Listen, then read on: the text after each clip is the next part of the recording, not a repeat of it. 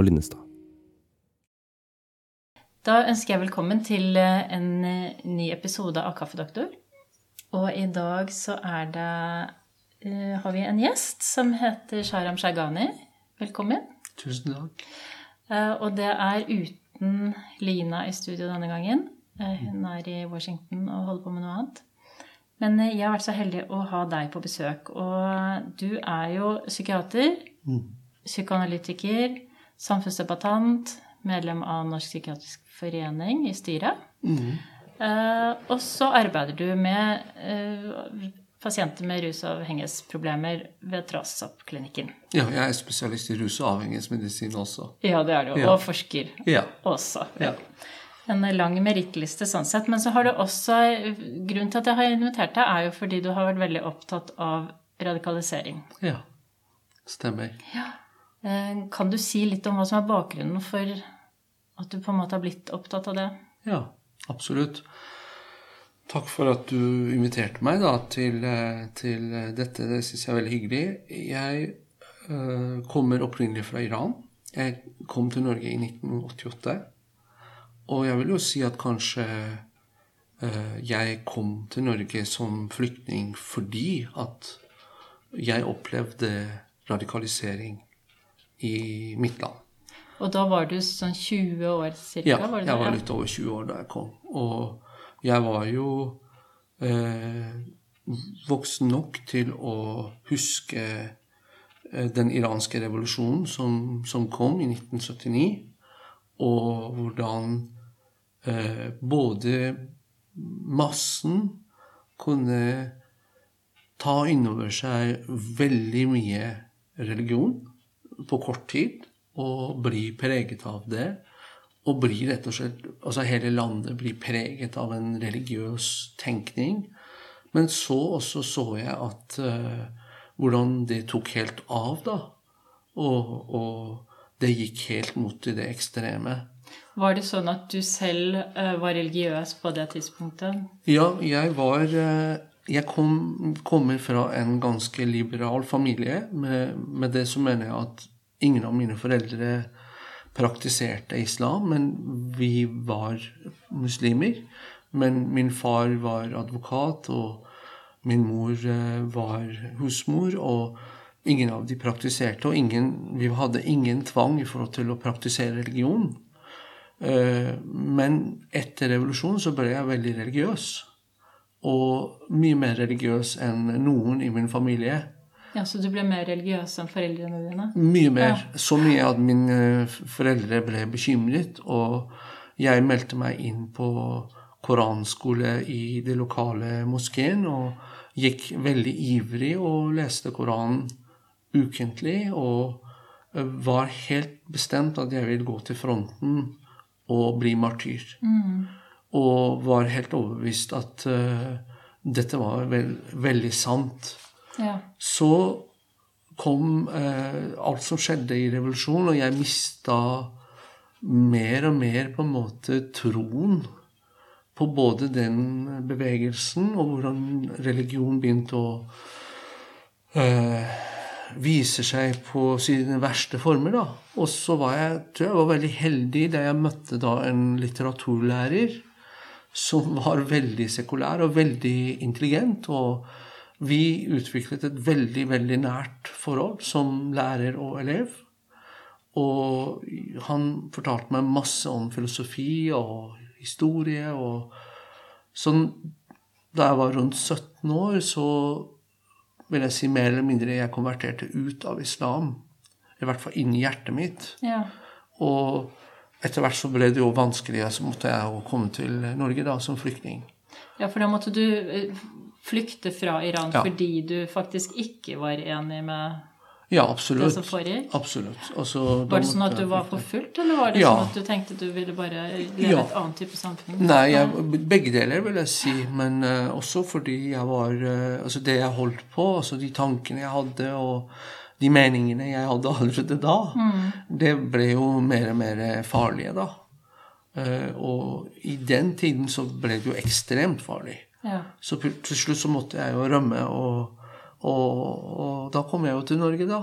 Ja. Eh, og Og da kom du alene uten familien din? ja, jeg kom helt alene, og da bodde jeg eh, ca. ett år, litt under ett år, på et mottak. Og så fikk jeg kommune i Orkdal.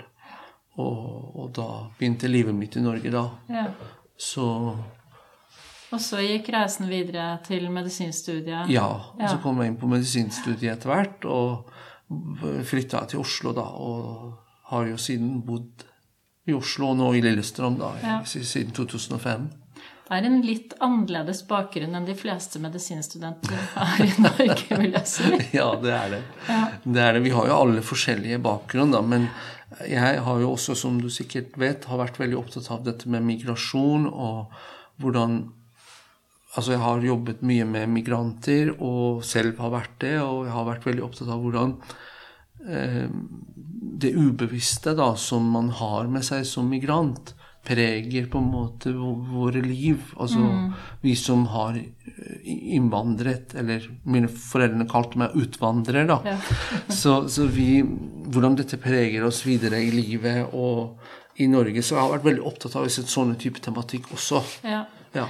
Var det derfor du også tok utdannelse som innen psykiatri og psykoanalyse, eller hva var det som dro deg denne veien?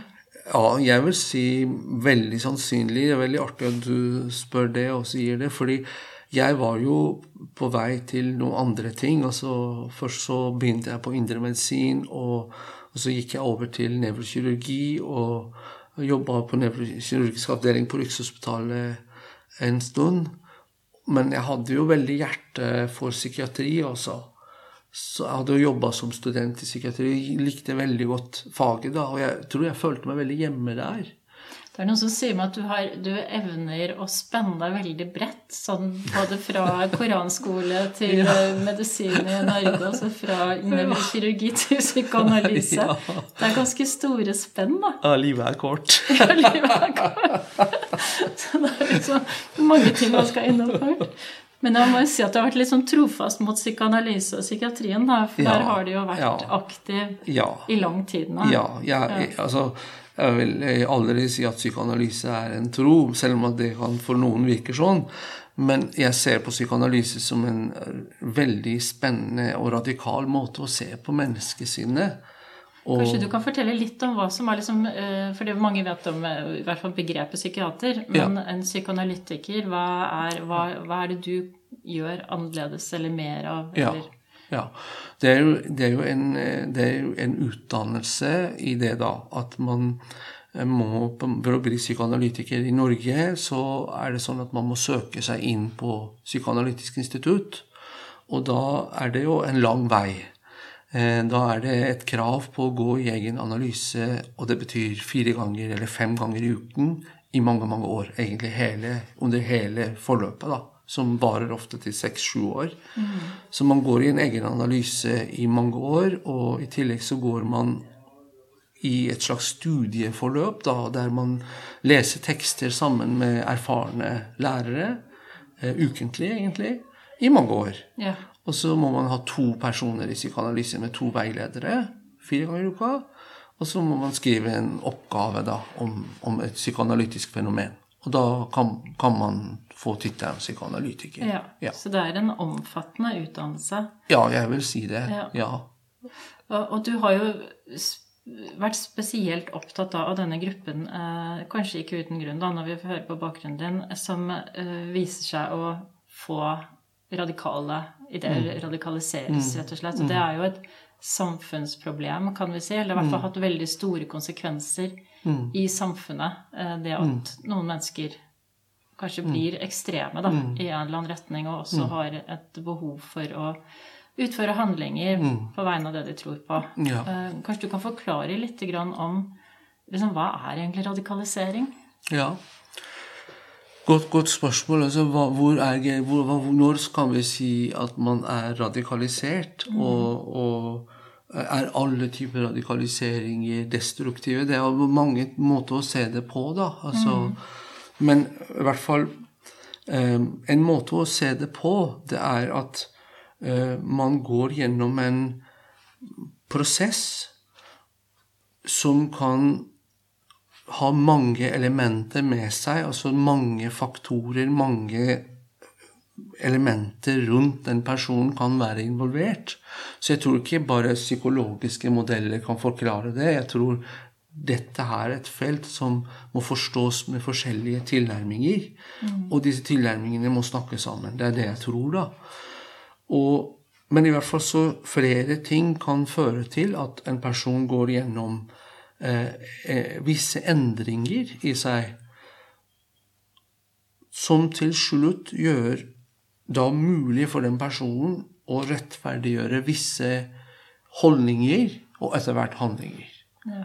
Eh, og de handlingene kan være da ekstreme og i noen tilfeller svært voldelige med store skader. Mm. Så jeg tror det er Altså det som gjør at jeg blir veldig opptatt av dette fenomenet, er at jeg tror på en måte Og det er litt kanskje ja, jeg vet ikke hva du tenker om det, da, men jeg tenker av og til at fordi vi er mennesker, så alle kan på en eller annen måte være utsatt for å bli radikaliserte. Mm. Eh, at det er ikke så enten eller at det er de andre og det er meg. Jeg tenker at i visse omstendigheter, som f.eks. kan være veldig ekstreme, eller i visse politiske eh, eh endringer eller samfunnsmessige endringer, så er vi alle sammen utsatt for å, gå gjennom sånne prosesser i forskjellige grader, selvfølgelig. Mm. Men så for meg blir dette et menneskelig fenomen, da. Og så er jeg jo Grunnen til at jeg ble opptatt av det, var ikke kanskje radikalisering. Det var fordi at jeg har kommet fra et land som der ytringsfrihet har vært mangelvare. Og jeg har på en måte vært så heldig at jeg opplevde den ytringsfriheten her i Norge. Og jeg tenkte at dette er noe som jeg må jobbe for, eller ta vare på. Og, og på den måten så kom jeg mer og mer å bli, bli opptatt av eh, de radikaliserte, da, som av og til kunne jo utfordre meg også når jeg f.eks. skrev en kronikk som var kritisk i forhold til visse religiøse praksiser og sånn. Ja, Så ble du selv utfordret av Ja, jeg kunne jo blitt det. Ja. ja. Da jeg skrev en del om uh, litt forskjellige tema, så kunne jeg jo det. Ja. ja. Og det var et tema som var kritisk til uh, Ja, jeg kunne skrive noen kritiske artikler om eh, F.eks. jeg har skrevet om hijab, jeg har skrevet om ekstremisme, jeg har skrevet om tro. Uh, alt det der kunne jo provosere. Mm. Har du opplevd det? Har du ja. fått, ja, du fått ja, negative tilbakemeldinger? Ja, absolutt. Mer enn det òg. Ja, det har jeg. Så, men uh, det gjorde jeg også, også i Iran, da, så, så, dette var jeg jo vant til. det, det henger med deg? Ja. det henger med meg. Eller det er kanskje sånn vi har det alltid, at disse verdiene vi vi tar for gitt, er ikke mm. helt uh, for gitt. da, At man mm. må på en måte være bevisst på hva man har. da. Jeg, jeg så Du har skrevet en artikkel i 2018 som jeg syns er veldig god, uh, i Tidsskrift for Norsk Psykologforening. Uh, psykoanalytisk forståelse av radikale islamister. Mm. Um, der deler du det jo opp i eller du snakker om at man eh, kan ut, bli utsatt for å utvikle uh, radikale ideer. Mm. litt avhengig av det du kaller posisjoner. Mm. Tror du du kan forklare litt sånn fra sånn psykoanalytisk ståsted? Hva mm. er det som hvor, hvor, beveger man seg? Hvor er det det tipper over? Og hva, hvordan kan man se dette psykoanalytisk? Ja, jeg, jeg kan gjøre et forsøk. Det er veldig komplisert, da. men men hvis du tenker de diagnostiske modellene vi har i psykiatri, så er det veldig kategorisk. Og det er enten har, er man syk, eller er man på gråsone, eller er man frisk. Mm. Og da, når vi sier syk i denne forstand, så snakker, snakker vi om sinnssyk i ja, lovens forstand, ikke sant? Ja, ja, det kan vi si. Men generelt, diagnoser er litt sånn da, at i en psykiatrisk diagnose så har man visse kriterier, og man oppfyller det. Eller er man ja. litt på grensen, eller er, oppfyller man ikke det. Ja. Psykoanalyse er litt mer annerledes på den måten at det er ikke så store avgrensninger mellom hva er syk og normal. Altså vi har, i hvert fall ifølge en psykoanalytisk tenkning, eh, alltid potensialet til å fungere ganske destruktivt, og vi har kanskje en god del eh, opp, opplevelser med oss som kan være sykelige, og så har vi normaliteten ved siden av det. Så mennesket blir mye mer komplekst, da. Og disse posisjonene går jo litt tilbake til en analytiker som het Melanie Klein, som jobbet mye med barn. Og hun eh, snakket egentlig om eh, to på en måte type fungering, og egentlig en slags psykologisk utvikling fra det hun kalte for schizoid paranoid, til den depressive. Og det er veldig vanskelig å kanskje gjøre det veldig enkelt, dette her. Jeg skal gjøre et forsøk, men den schizoid paranoide er da slik at man splitter verden og seg selv med verden og personer rundt seg mer eller mindre i to kategorier. De gode og de onde.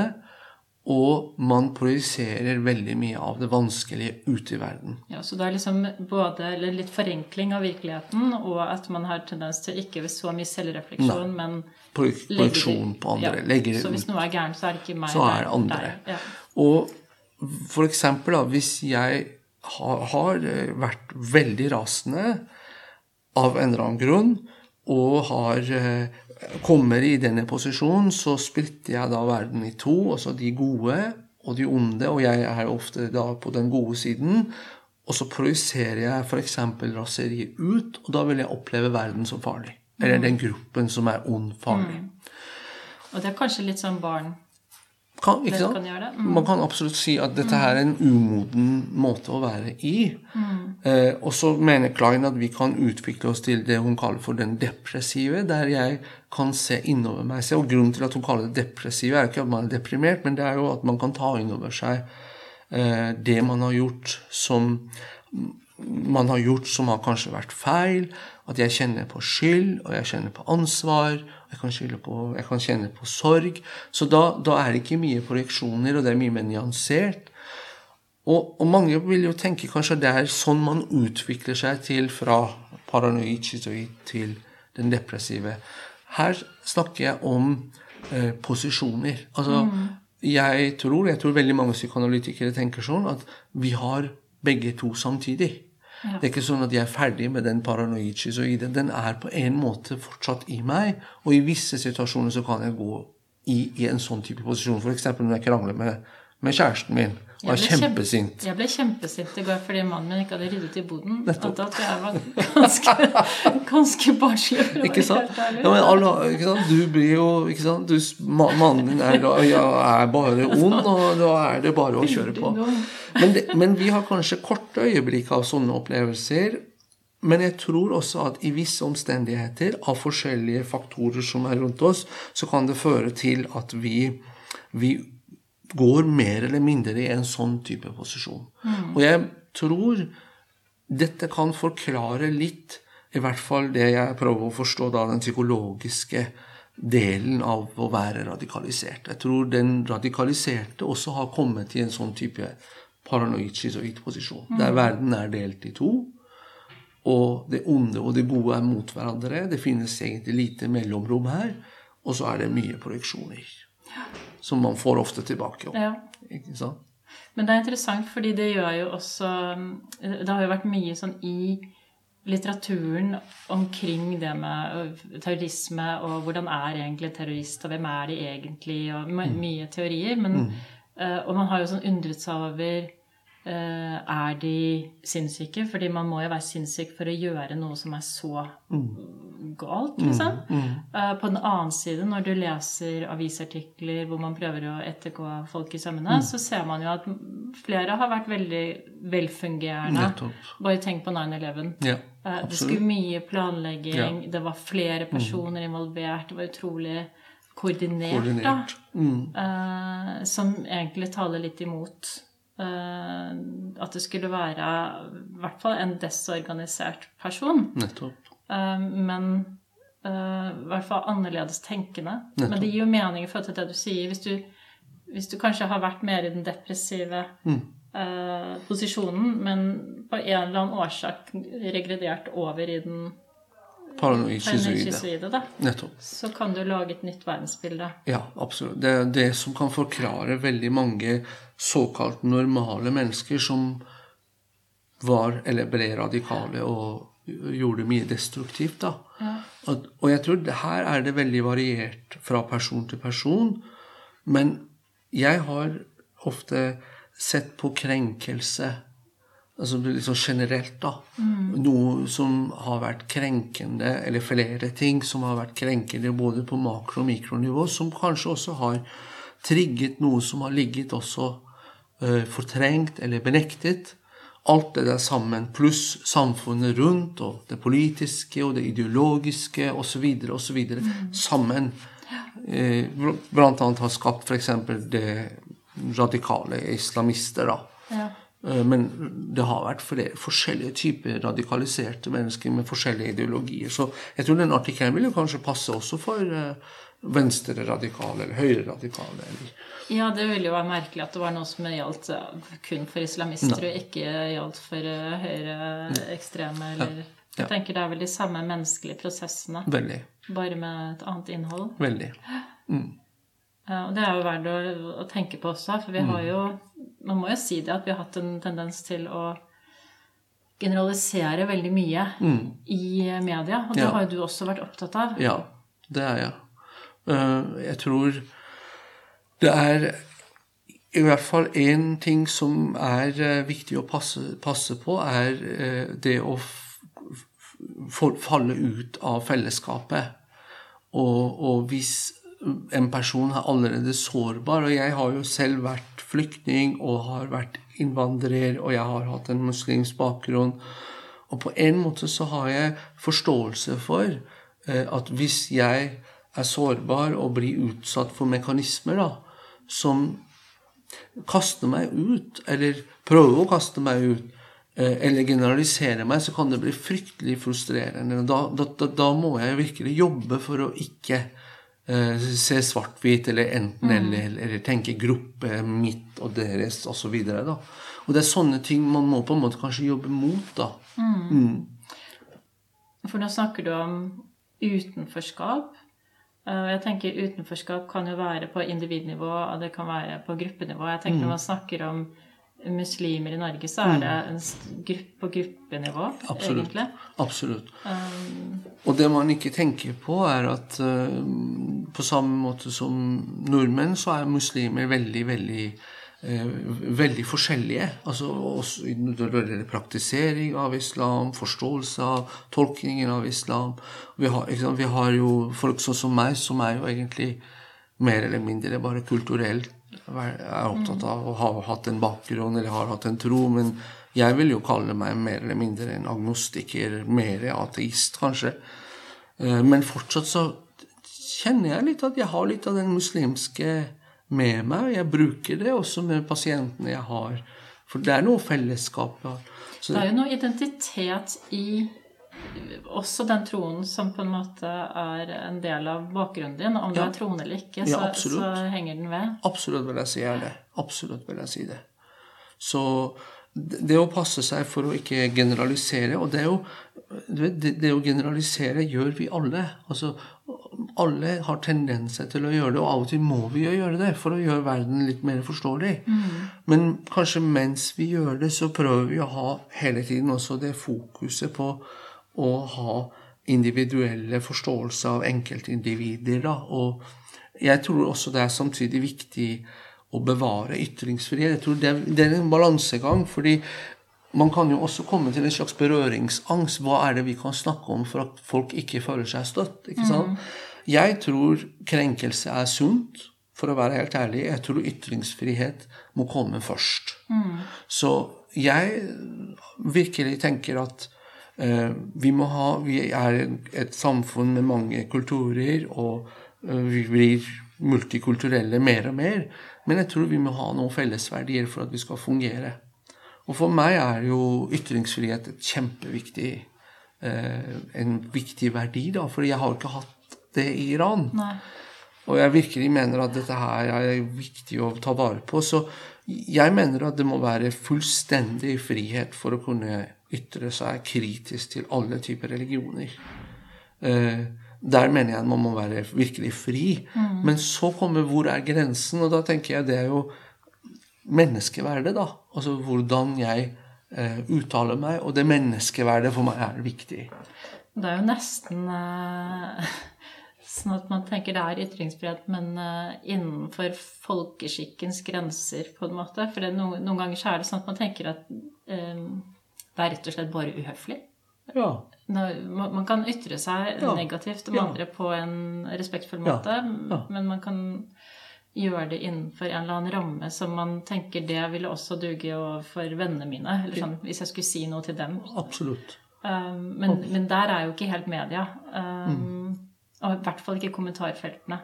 Nei, kommentarfeltene er jo verst, da. Altså, Det er jo virkelig der mye kommer ut, da. Mm. Men, men jeg virkelig mener at det er en balanse, og ytringsfrihet er viktig, og man må ha virkelig eh, ytringsfrihet.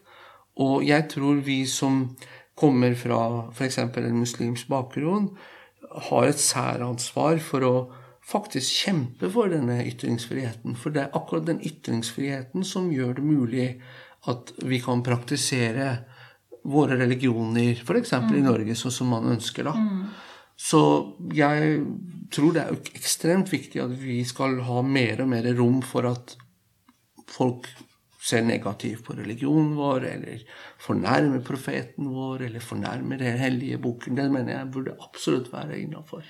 Men det er noe med å lære bort hva ytringsfrihet innebærer, og også på en måte kunne stå i konsekvensen av det. For jeg tenker at det er jo noen konsekvenser av ytringsfriheten for f.eks. en veldig troende person, da. Um, som kan til syvende og sist eh, føre til at man f.eks. mister folk vekk, eller folk faller fra. Absolutt. Eh, Eller eh, at f.eks. kvinner får større råderett, og så får eh, visse personer mindre makt. Eh, og jeg tenker det Det å overbevise folk som er i et system hvor disse strukturene henger så fint sammen, Uh, om at uh, du skal bare godta ytringsfriheten Det kommer til å få konsekvenser for ganske mye av det du uh, Sånn som verden ser ut for deg, men det er viktig. Det er en stor pedagogisk oppgave. Ja, ja absolutt. Absolutt. Altså ytring er en handling, og våre handlinger vil jo sette preg på verden. Og det betyr at vi får konsekvenser. Ja, og verden kan endre seg, ikke sant? Absolutt. Og vi er jo ikke så veldig endringsvillige når det gjelder store, store ting, for vi søker jo trygghet. Ja.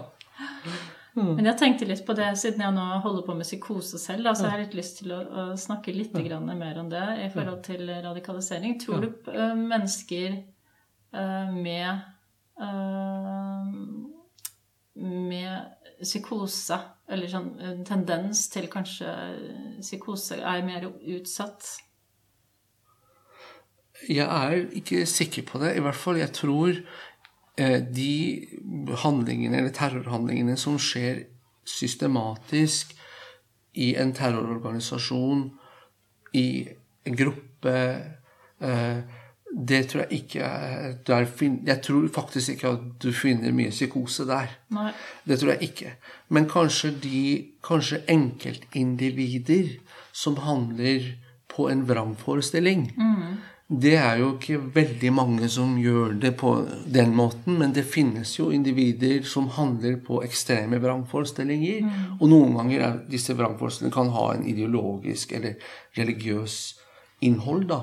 Der tror jeg kanskje du kan finne på disse her ensomme eh, terrorister.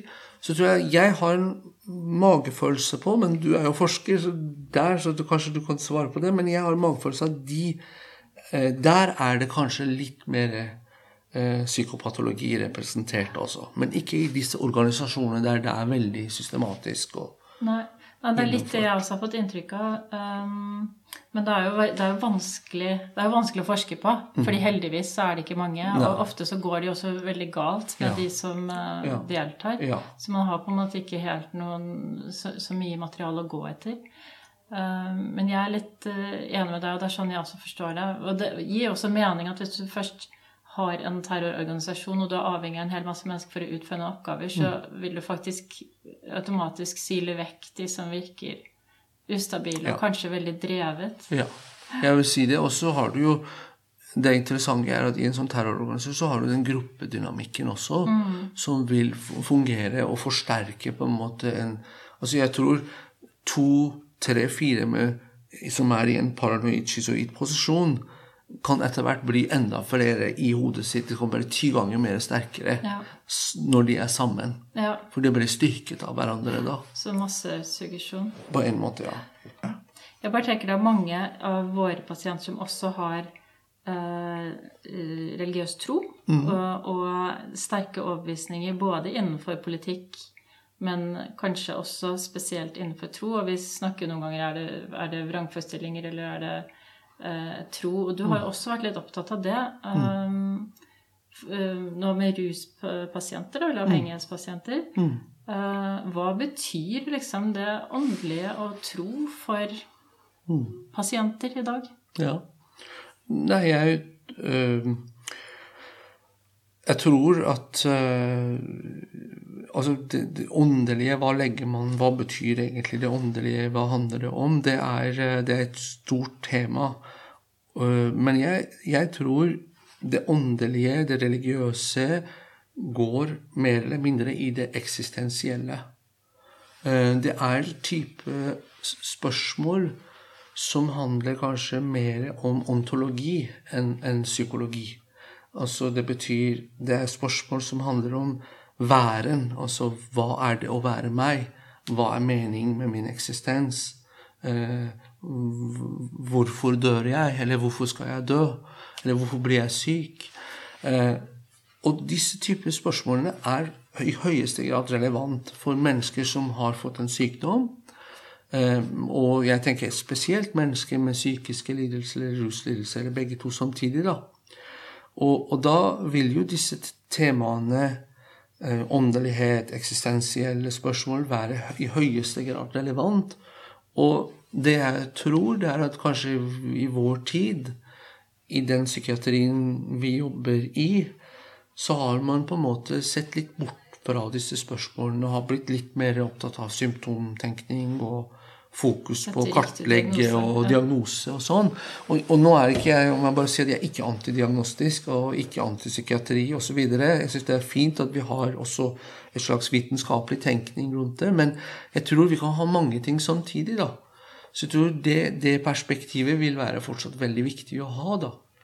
Jeg vet i hvert fall at um, det har vært etterspurt um, blant pasienter i behandling for psykose at vi ikke interesserer oss mer For for, deres Ja. øh, åndelige verden. Ja. Um, ja. og da jeg leste en artikkel også fra forskningsgruppe i California som er spesielt interessert i dette. Og de påpekte at det kommer litt an på hva slags eh, relasjon du har til guden din. Men har du en god relasjon til Gud eh, som en støttende person, så er det enormt mye å hente på den religiøse, åndelige eh, relasjonen. da. Nettopp. Mens har du en eh, litt sånn straffende gud som er er etter deg og, og anklager deg for ikke å ha gjort ting riktig, så virker det veldig nedbrytende. Ja, Riktig. Kjenner du til det fra ditt Fordi du forsker jo på dette Ja. blant ruspasienter. Ja, jeg gjør ikke akkurat den forskningen, men jeg kjenner jo dette veldig i forhold til den tenkningen i psykoanalyse som, som, som heter objektrelasjonsteori, eller den teorien, som snakker om internaliserte indre objekter. da. Og man kan jo tenke seg at om Gud finnes eller ikke, det er et spørsmål som vi kan diskutere, men man har et indre objekt, et indre bilde av Gud i seg. Eh, Det er noe som opererer i det mentale, og spesielt hos den som tror. Og da har jeg jo tenkt at da er det i hvert fall dette et indre bilde av Gud man har når man tenker Gud. Det, det, kommer, altså det er jo umulig å ikke ha det. Ja. Og, og da betyr det at den også blir berørt av indre organisering av meg som person. Så jo mer, si, jo mer forstyrrelse jeg har i meg, så kan det indre, internaliserte gudsbildet bli også forstyrra. Og, og hvis jeg har, eksempel, hvis jeg skal bruke psykoanalytiske termer, hvis jeg har et superego og så en veldig streng, straffende, koder i forhold til hva er riktig, galt, veldig svart-hvitt og veldig selvbebreidende. Så det er klart at det, det gudsbildet jeg internaliserer, får jo disse kvalitetene med seg. Og hvis jeg har en imam eller en prest som underviser meg også i tillegg til det, og en gruppe som forsterker det, så blir det enda mer semantisert. da. Mm. Og da, da har jeg etter hvert et forstyrra, vil jeg si, indre bilde av Gud i meg som kan absolutt plage meg. For eksempel, jeg har jo jobbet med mm, mennesker med alkoholavhengighet eller rusavhengighet som også har en muslimsk tro. Og mange av de er ekstremt plaget av hva dette her er Gud kommer til å gjøre med dem. Ja, for det er jo helt direkte i motsats til troen. Fullstendig direkte mot troen. Og, de er, og, det å ha en samtale, eller flere samtaler rundt det, har vært ekstremt frigjørende for de da. Eh, og, og jobbe med dette her gudsbildet, på en måte. At Hvor kom det fra, og når ble det sånn, og hvorfor tror du at det er sånn? og, og, og skape litt refleksjon rundt det at Gud er en ting, og hva Gud er, det vet vi jo ikke. Men, men uansett så har du internalisert et gudsbilde mm. som nå er forstyrrende. Mm, så det er klinisk relevant, altså. Man kan jo spørre seg, hvis vi, ikke, hvis vi ikke interesserer oss for det, hvor gode klinikere er vi egentlig? For jeg tenker mm. sånn som det du beskriver nå, mm. uh, da vil jo skammen være en direkte Hva skal vi si en dire, Vil direkte ødelegge for behandlingen. Forferdelig. Veldig mye. Og av og til så har jeg virkelig opplevd at gjennombruddet F.eks. med å motivere et menneske til å legge seg på en rusklinikk, begynte da jeg begynte å snakke om Gud med den personen. Og, og det vrangbildet man har fått med seg av Gud. Spør du eh, konkret om tro, og eh, kartlegger det når du tar imot pasienter? Når jeg, ikke sånn systematisk, men jeg spør Jeg er jo litt opptatt av det eksistensielle, så jeg spør jo litt om om uh, hva personen gjør, hva som gir mening med livet. Og jeg spør litt om hva slags, hva slags bakgrunn og oppvekst de har hatt, og hvordan det har vært i forhold til tro. Men fordi jeg har jobbet mye med, med, med mange som er muslimer, så vet jeg at dette er veldig tungt innenfor mange på forskjellige måter. Mm. Og da spør jeg jo ofte litt systematisk om det faktisk, at hvordan det har vært. og Eh, når, hvis jeg har hatt f.eks. folk i terapi, så, så, spør jeg litt om hvordan Når ble de bevisste på Gud, eller hvordan de ble bevisst på Gud? Hvem introduserte? Hva tenkte de? Hva hadde de noen opplevelser som var mm. vanskelig eller fint for det, Så jeg gjør det, ja. For jeg tenker det er jo påfallende hvor uh, lite interessert vi er i det. Um, mm. Og at ja. vi nesten kanskje ikke helt vet hvordan vi skal spørre om det. Ja, det tror jeg du har helt rett i også. At uh, vi kan bli litt engstelige for å gå i sånne typer tematikker. Men en god kliniker tenker jeg bl.a. Har, har mot til å utsette seg litt for tema som kan være litt krevende å stå i, da. Og, og utforske det. Altså Poenget er jo ikke introdusere en ny gud til pasienten. Poenget er å utforske pasientens opplevelser mm. og se hvor det er vanskelig. Men man kunne jo forestille, man kunne forestille seg at hvis du fikk eh, mulighet til å være med å påvirke det gudsbildet, mm. eh, når vi vet at en støttende gud mm. faktisk kan være utrolig bra for eh, bedringsprosessen, mm. at man derigjennom bevisst kunne eh, få til endring. Da. Veldig. Jeg har uh, virkelig opplevd det mange ganger i terapi da, med, med, pasienter, spesielt med pasienter som har hatt rus- og avhengighetsproblematikk, at når gudsbildet blir mykere ikke sant? For eksempel når jeg spør Ja, men i Koranen så står det at Gud er barmhjertig og tilgivende. I alle kapitlene starter jo dette det starter med den setningen. Hvordan forstår du det? Hvorfor gjelder ikke den deg? Eh, og når jeg begynner å vise til dem da at det gudsbildet er egentlig et bilde de har, og det har kommet fra et sted, eh, da mykner det litt opp. Mm. Og de utforsker jo sine egne forståelser av tro, da. Og ofte så har det en betydelig effekt. altså. Det er helt utrolig å se. Det er virkelig utrolig interessant. Det er veldig spennende. Um, nå nærmer vi oss eh, litt slutten her. Hvis du skulle si, komme liksom noen uh, gode råd, kanskje særlig til klinikere, da jeg vet det er en del klinikere som hører på, um, omkring disse tingene. Jeg vil si at uh, dette med religion og åndelighet og Gud kan vekke ting i oss, det vi kaller for motoverføring i, i en psykoanalytisk teori. Altså vi, jeg f.eks., som har hatt en del skade av religion, kan utvikle negative følelser mot f.eks. en viss religion. ikke sant? Så det å være litt um, tydelig med seg selv, i hvert fall hva, hva har jeg opplevd, hvordan tenker jeg om det, jeg tror jeg er veldig lurt. Og det andre er at uh, det fenomenet åndelighet, det eksistensielle, er svært relevant for pasienter som har en psykisk lidelse, som blir innlagt på en institusjon at vi kan kanskje spørre litt om sånne ting da, når, det er, når vi opplever litt sånn fra klinisk skjønn da, at det passer.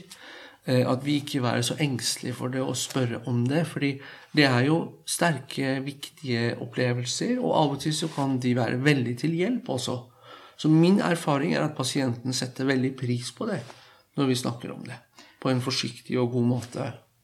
Rett og slett bruke det litt som et verktøy i verktøykassa? Ja, jeg, jeg tror det vil være lurt for veldig mange, altså. Mm. Men tusen, tusen takk. Det var spennende å snakke med deg som alltid. Tusen takk til deg òg.